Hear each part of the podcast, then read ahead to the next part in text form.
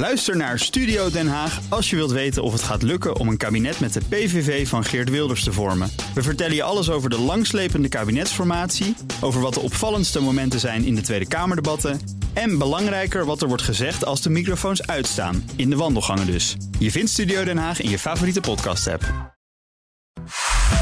BNR Nieuwsradio. Boekenstein en de Wijk.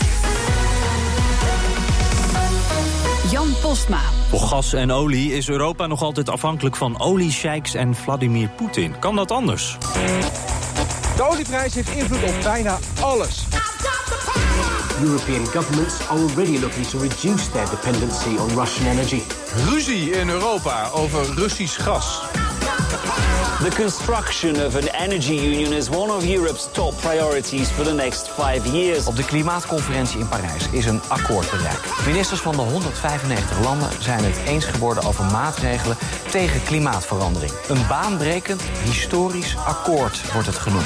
The one-sided Paris Climate Accord Ja, lage olie- en gasprijzen kunnen de machtsverhoudingen doen verschuiven. En ook voor heel wat onrust zorgen. En dan is er nog dat klimaat. We moeten als Europa anticiperen. Maar hoe? Welkom bij Boekenstein in de Wijk. Op zoek naar de nieuwe wereldorde. Met in de studio hij kost vooral energie. Tenminste, dat zei Rob net achter je rug om, Arend-Jan Boekenstein. En hij denkt vaak aan het milieu, maar zo zegt Arend-Jan dan weer altijd... als jij net weg bent, eh, Rob, uh, uh, hij stapt dan toch gewoon zonder scrupules... in zo'n vervuilend vliegtuig, Rob de Wijk. Ja, zeker. Absoluut, ja. Wat moet je anders trouwens? ik ben moeilijk. Nou, je hebt je autosleutels ja, hier op, op, de fiets naar China. punt gemaakt, punt gemaakt. Te gast, groen gaat voor hem veel verder dan de kleur van zijn partij. Europarlementariër voor D66, Gerben-Jan Gebrandi. Welkom. Uh, ja, en we gaan zo kijken naar hoe uh, de EU kan overleven zonder die olie uit Rusland en, en uh, uit het Midden-Oosten. Maar eerst gaan we even naar de energiesituatie nu.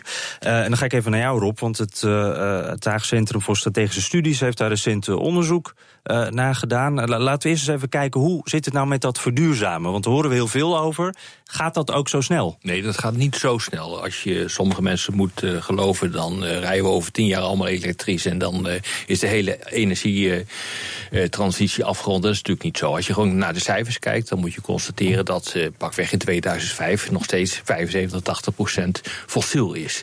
Dus dat gaat langzaam. Het gaat heel gestaag, maar het gaat, het gaat wel langzaam. Mm -hmm. En dan hebben we natuurlijk nog uh, de situatie in de VS. Uh, Trump die, die gaat investeren juist in fossiele brandstoffen. Um, wat is daar aan de hand? Zorgt dat echt voor een verandering? Dat denk ik niet. Uh, als je kijkt wat de Verenigde Staten de afgelopen jaren uh, heeft gedaan... hebben ze enorm ingezet bijvoorbeeld op de winning van schaliegas en schalieolie. Al onder Obama? al onder Obama. dat heeft het paradoxale effect gehad dat Amerika... een van de grootste energie producenten van de wereld is geworden. En daarmee ook de prijs enorm beïnvloed heeft. Die is dus lager geworden. Dat heeft enorme consequenties al gehad voor een aantal energieproducerende staten. Zoals Rusland, Algerije.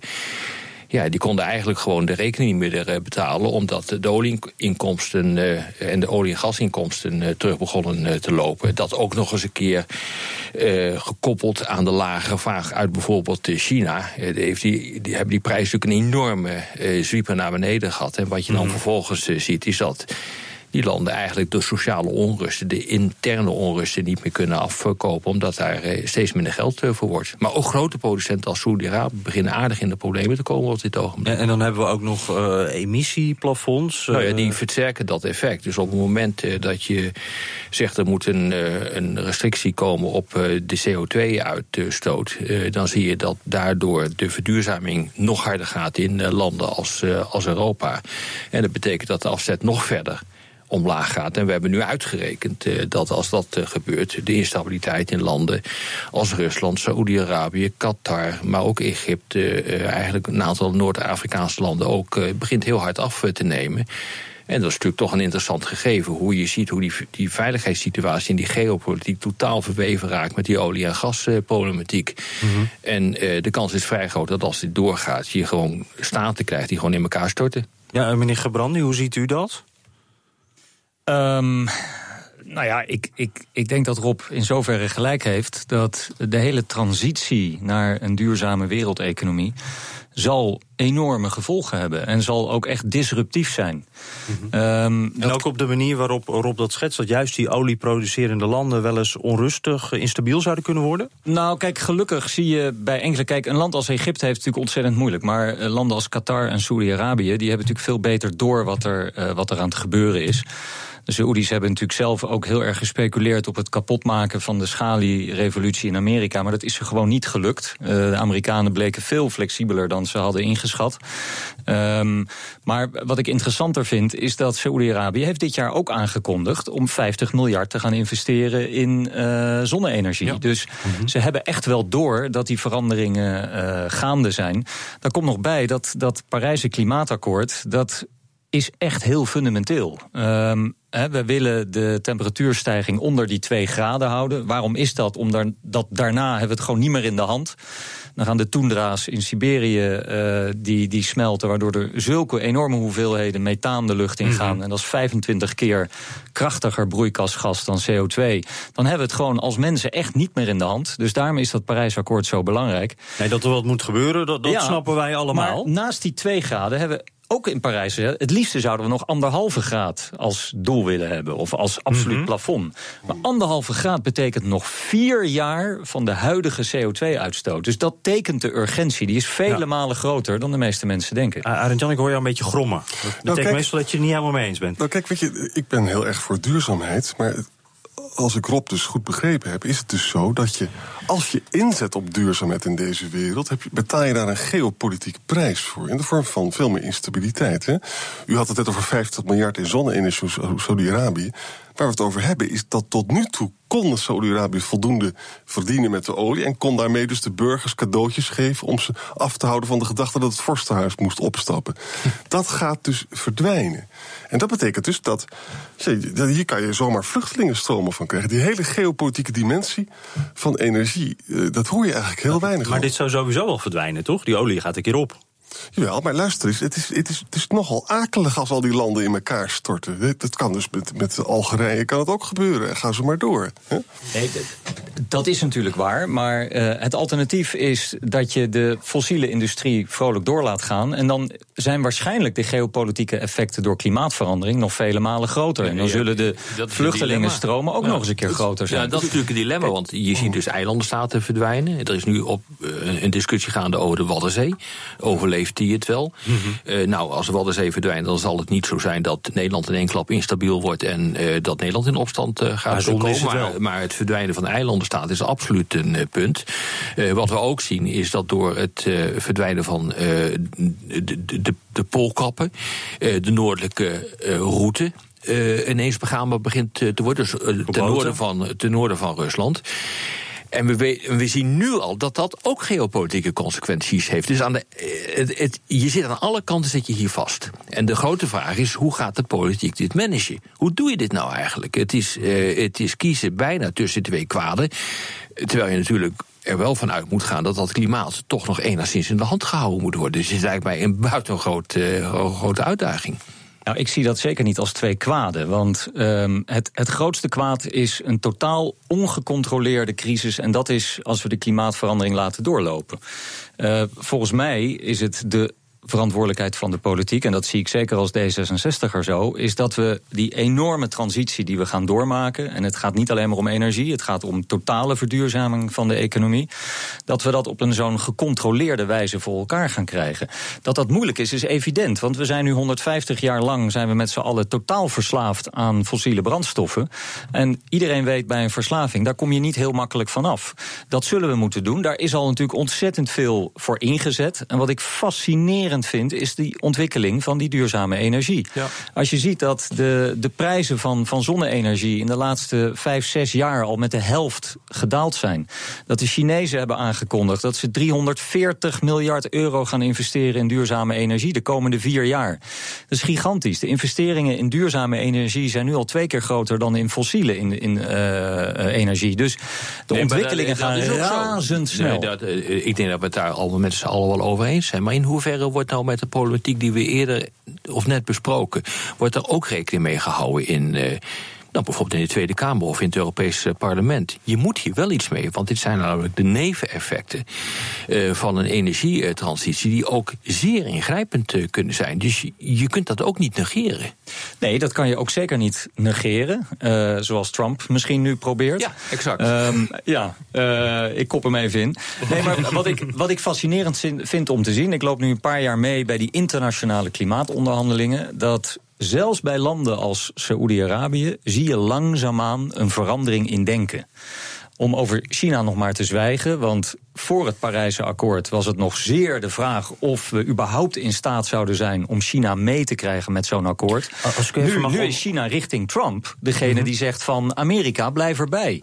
Waar, waar ik dan wel benieuwd naar ben, want de- deze voorbeelden zijn heel mooi. Ik denk dan aan dat hele grote land wat zo dichtbij Europa ligt, Rusland. Daar hoor ik eigenlijk nooit over eh, dat ze aan het verduurzamen zijn of naar andere dingen dan olie aan het kijken zijn. Hoe zit dat met Rusland? Nee, en dat doen ze natuurlijk ook helemaal niet. En die Russen die dwarsbomen alles wat ze maar kunnen dwarsbomen. En ik geloof dat de economie voor 60% afhankelijk is van al die grondstoffen, inclusief fossiele grondstoffen. En daarom is het ook eh, zaak voor Europa om te zorgen dat we zo min mogelijk afhankelijk zijn van die Russen. Waardoor de instabiliteit in Rusland toeneemt. Hè. Wat de Russen op dit ogenblik aan het eh, doen zijn, is een interne macht optuigen voor binnenlandse veiligheid van 400.000 mensen. En is dat Inclusief tanks en jachtvliegtuigen. op die olieprijs? Is dat dat een- heeft onder andere te maken met de instabiliteit die ontstaan door de lage energieprijzen in algemene zin. Dan zeggen we ja, nee, dat heeft eh, te maken natuurlijk met eh, die, die zuidelijke delen van Rusland waar moslims bezig zijn. Nee, maar dat is niet zo. We hebben nu al gezien dat de hoeveelheid geld die binnenkomt, inderdaad, het is zo eh, dat 60% van het federale budget in eh, Rusland afkomstig is van de energieverkopen. Is er trouwens eigenlijk een beeld van hoe lang dit nog goed kan gaan Nou, Rusland? eh, men- nou, kijk, wat, ze- wat, ze, ze hebben tot twee jaar geleden rekenen ze met, als we het nou even hebben over de olieprijs, maar die is min of meer gekoppeld aan de gasprijs, niet helemaal. Rekenen ze met 104 dollar per vat. Dat was voor een sluitende begroting. Eh, die, dat is heel hard gekelderd. Dan kwam op een gegeven moment op 30 dollar per vat eh, terecht. En toen zijn ze totaal in paniek geraakt. Toen zeiden ze van ja, maar als dat het geval is, dan dondert het eh, hele economische systeem in elkaar. Toen hebben ze nieuwe berekeningen gemaakt. Ze hebben aangepast op 50 dollar per vat. Dat is het op dit ogenblik. Maar het gevolg daarvan is dat al hun financiële reserves op dit ogenblik in vrij hoog tempo er doorheen worden gejast. En die financiële reserves zijn nodig om ervoor te zorgen dat de boel stabiel blijft. Dus je vult pensioen aan, je geeft subsidies. En ik vrij snel is dat tientallen jaren, Nee, dat is maanden. Dat is een Maanden kwestie, echt? dat is een kwestie Oké. van maanden dat ze daar doorheen zijn. En Arend Jan, wat voor gevolgen zou dat dan eh, voor Europa kunnen hebben? In, in het Russische geval, maar misschien ook in, in andere landen krijgen we dan. Nou, je kunt er gewoon over eh, scenario's op maken. Als het zo is dat Poetin dus niet meer in staat is om al- allerlei subsidies te handhaven, dan is de kans dus groot dat de ontevredenheid in het land toekomt. En dat zou ertoe kunnen leiden dat Poetin buitenlandse politieke successen nodig heeft om binnenlandse politieke onvrede te- tegen te gaan. Dat is één. In twee, in Afrika en maar ook in het Midden-Oosten kan dit gewoon leiden tot instorting van regimes, tot enorme instabiliteit, tot vluchtelingenstromen. Dus eigenlijk, weet je, ik zou een vraag aan Gerbrandi willen stellen. We, hebben, we zien dus dat er een geopolitieke prijs is aan duurzaamheid. hè. Hoe zouden we op een intelligente manier die twee dingen kunnen balanceren? hè? Een van de dingen die ik zou kunnen bedenken is dat je dus gas, we hebben in de transitiefase echt nodig. Eh, meneer Gebrandi, hou die gedachte even vast. Want dan krijgen we zo het antwoord. En eh, ook eh, het antwoord op de vraag: geen gas uit Rusland, geen gas uit Groningen. Wat moeten we dan wel? BNR Nieuwsradio. Boekenstein en de Wijk. Ja, op zoek naar de nieuwe wereldorde. Dit is Boekenstein in de Wijk. Dat programma is natuurlijk niet zonder Arend Jan Boekenstein en Rob de Wijk. En te gast Europarlementariër voor D66, Gerben-Jan Gebrandi. Ehm, er werd net een vraag gesteld en eh, eh, die hebben we natuurlijk allemaal onthouden zo tijdens eh, de reclame. Maar even kort samengevat. Duurzaamheid en stabiliteit. Hoe kan je die twee dingen combineren of daar in ieder geval een goed evenwicht in vinden, meneer Gebrandi? Ja, nou, ik denk dat duurzaamheid uiteindelijk tot veel grotere stabiliteit gaat leiden. Ehm, wat je nu ziet is dat de, de macht, en ook zeker de financiële macht rond eh, fossiele brandstoffen, is vaak in handen van enkelen. Een, een familie in Saoedi-Arabië, een machthebber, noem maar op. De, het fascinerende van de verduurzaming van energie is dat het eigenlijk ook een soort democratisering is. Je ziet in één keer dat een dorpje in Afrika niet meer afhankelijk is van de kerosine voor lampjes en een generator enzovoorts die van de grote baas komt. Nee, ze hebben via zonnepanelen zijn ze helemaal zelfvoorzienend in, in hun energie. Dus je ziet dat die, die onderlinge uh, afhankelijkheden verdwijnen. En je ziet ook dat bij machthebbers die het misschien niet zo goed hebben, voor hebben met hun bevolking, zoals ook meneer Poetin, dat die hun, hun machtsmiddel, namelijk geld, uh, langzaamaan kwijtraken. dat wil niet zeggen dat er niet een lastige transitie is. Nee, maar daar zit natuurlijk het, altijd het probleem in. Ja, het probleem absoluut. is altijd de transities. Ja. Als je kijkt dus naar Saudi-Arabië, je noemde je net ook, dat is een, een ontzettend aardig voorbeeld. Uh, dat land, uh, dat had tot voor kort, tot laten we zeggen twee jaar geleden, een, een financiële reserve van 654 miljard dollar. Dat gaat er in hoog tempo op dit ogenblik uh, doorheen. Men is zich helemaal wild geschrokken. Het IMF heeft toen gezegd: als dat zo vijf jaar lang doorgaat, dan is het land failliet. En dan ontstaat er een gigantische instabiliteit. Dat hebben ze dus zelf ook gezien. En het interessante is wat er in Saoedi-Arabië gebeurt. Dat gebeurt niet in Rusland. Saoedi-Arabië gaat een deel van Saoedi Aramco uh, verkopen. Er wordt, komt een investeringsfonds van 2000 miljard dollar. En daaruit moet de vergroening worden betaald. En er moet worden nagedacht of met dat geld en met die transitie bijvoorbeeld groene stroom naar Europa kan worden uh, uh, getransporteerd. Nou, of dat gaat lukken, dat weten we niet. Maar het heeft direct dus te maken met de overleving van uh, het, het, Koningshuis in uh, Saoedi-Arabië. Rusland doet dat op dit ogenblik niet. Maar die doet eigenlijk sowieso niks. En, en Rob, Rusland, dat is toch het land waar wij het meest afhankelijk van zijn in Europa, toch? Dat kunnen we en dat, ook het en dat ook het gevaarlijkste voor, voor ons is als dat instort. Mm -hmm. Maar die lossen dat dus anders op. Nou ja, dat is eerder gezegd, die lossen dat op door middel van binnenlandse repressie. Ja, maar ik moet dan meteen ook aan Nord Stream 2 ja. denken. De, de, EU wordt er eigenlijk een beetje door gespleten. Kan je dat zo zeggen, meneer Gebrandi? Oh ja, absoluut. Want dat, dat is natuurlijk ook een, een, een, een ja, bewonderenswaardige verdeel en heersstrategie van Poetin. Die wil aan de ene kant uh, West-Europa nog meer afhankelijk maken van uh, het Russische gas. En die wil voorkomen dat landen als Oekraïne, waar de huidige pijpleidingen doorheen gaan, dat die uh, controle hebben over wat er door die pijpleidingen heen gaat. Hè. Daar is in, in de winter van 2008 was het geloof ik, is nee. daar een enorme crisis oh ja, door ontstaan. Ja, ja. Um, dus dat, dat spel is fascinerend. Maar uh, ja, de vraag is altijd: wat, wat is het alternatief? Kijk, gas is, is best aardig als een transitiebrandstof. Het is net weer even ietsje schoner dan, dan kolen en, uh, en, en, olie. Dus voor een tijdje kan dat wel. Maar je ziet dat uh, met name als je het hebt over, over elektriciteit wordt duurzaam, wordt gewoon veel goedkoper, ook dan gas. En je ziet het mm -hmm. nu al gebeuren. De, die laatste windparken in Denemarken en, en bij Borselen hier in Nederland... die zijn al zo verschrikkelijk goedkoop. Daar kan dadelijk fossiel totaal niet tegenop. Zelfs niet uh, de kolencentrales. En waarom kiest Europa dan niet gewoon als één front voor dat, uh, voor dat duurzame? Want de, we, gaan die, die, we gaan deze dingen wel allemaal aanleggen, dat Nord Stream 2... Nou ja, en daar is dus ook hele discussie over. Daar zit heel veel privaat geld in. Overigens is Gazprom, de Russische uh, uh, staatsoliebedrijf, is de allergrootste financier, want die betaalt de helft. Mm -hmm. um, en ik weet niet hoeveel ze aan voormalig bondskanselier Schreuder hebben betaald om uh, zich hard in te zetten voor Nord Stream 1 en 2. Maar ja, dat zijn geen frisse spelletjes. En ik, ik denk dat we als Europa moeten oppassen dat we niet te zeer in die val trappen. Overigens, hetzelfde geldt voor Azerbeidzjan. Ja, overigens, je praat nu over Schreuder, maar Merkel heeft dat natuurlijk met open ogen gedaan. Hè? Merkel heeft gewoon Oost-Europa gebruskeerd. Polen zijn woedend daarover. Want Merkel wilde gewoon haar eigen verbinding met het Russische gas hebben. Met andere woorden, bij het begin van al die uh, debatten over de energieunie. Dat, werd, dat, dat, dat was eigenlijk een, niet een maagdelijk terrein, maar het waren totaal verdeelde naties. Ja, Zuidstream werd, werd, verboden door de Europese Commissie. Nou, Italië kwaad, dan gaan ze maar door. Maar Duitsland deed gewoon zijn eigen zaken. Hoe groot acht u de kans dat er toch zoiets gaat komen als een energieunie?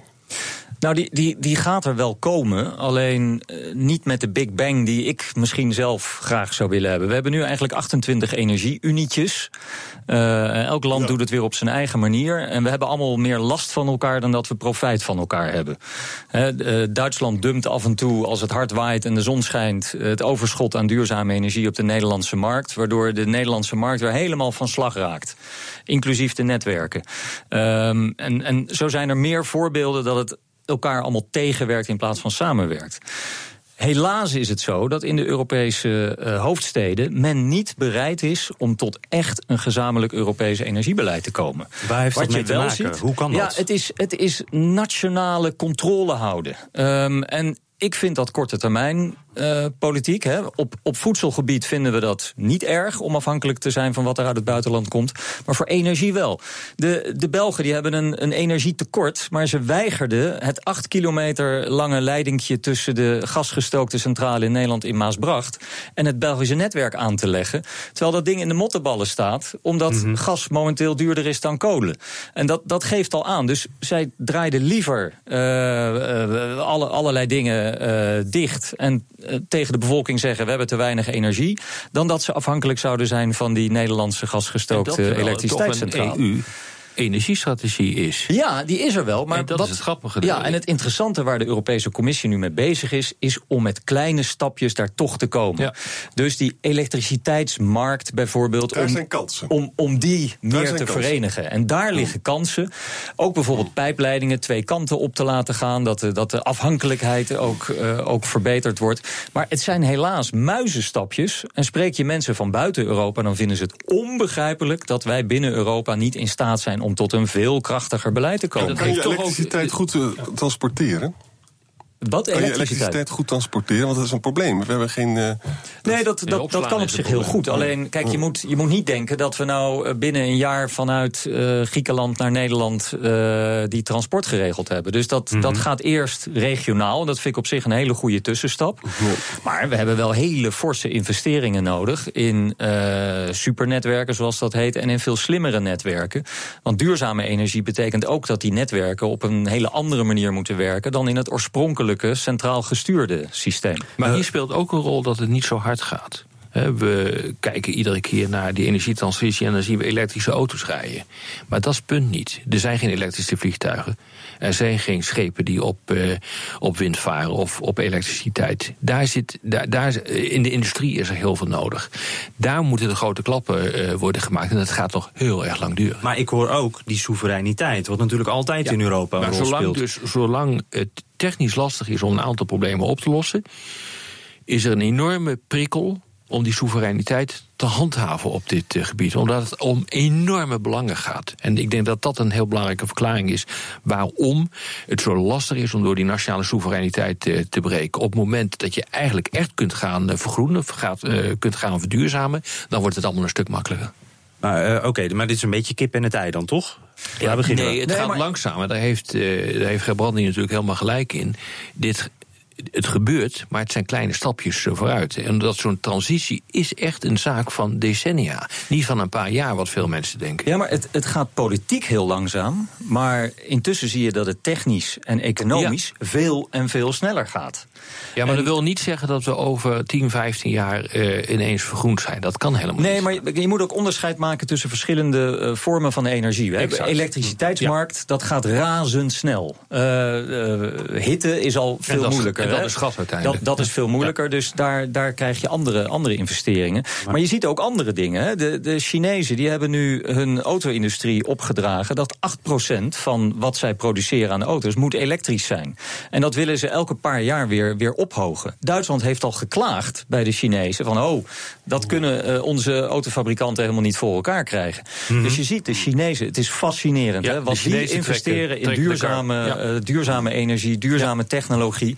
die gaan ons passeren. Met als gevolg dat wij dadelijk Chinese elektrische auto's kopen... in plaats van Duitse auto's. Ja, wie had dat een aantal jaren gedacht? En ik geloof dat dan ook de les is uiteindelijk van deze uitzending... dat die transitie, het is gaande, maar op een bepaalde manier is het ook een soort olietanker. Mag ik het zo samenvatten? Ja. Met, zou- on- met onvoorziene consequenties. Ja, je zou kunnen zeggen van, het is allemaal begonnen met Euratom, maar dat is mislukt omdat kernenergie heeft dat dubbele gebruik, hè, zowel vreedzaam als niet. En nu, nu, nu doen we gas, maar gas is in de transitie zo belangrijk dat niemand dat nationaal durft weg te geven. Ja, dus altijd iemand met het laatste woord. En bij ons is dat Arend Jan Boekenstein. Van onderen!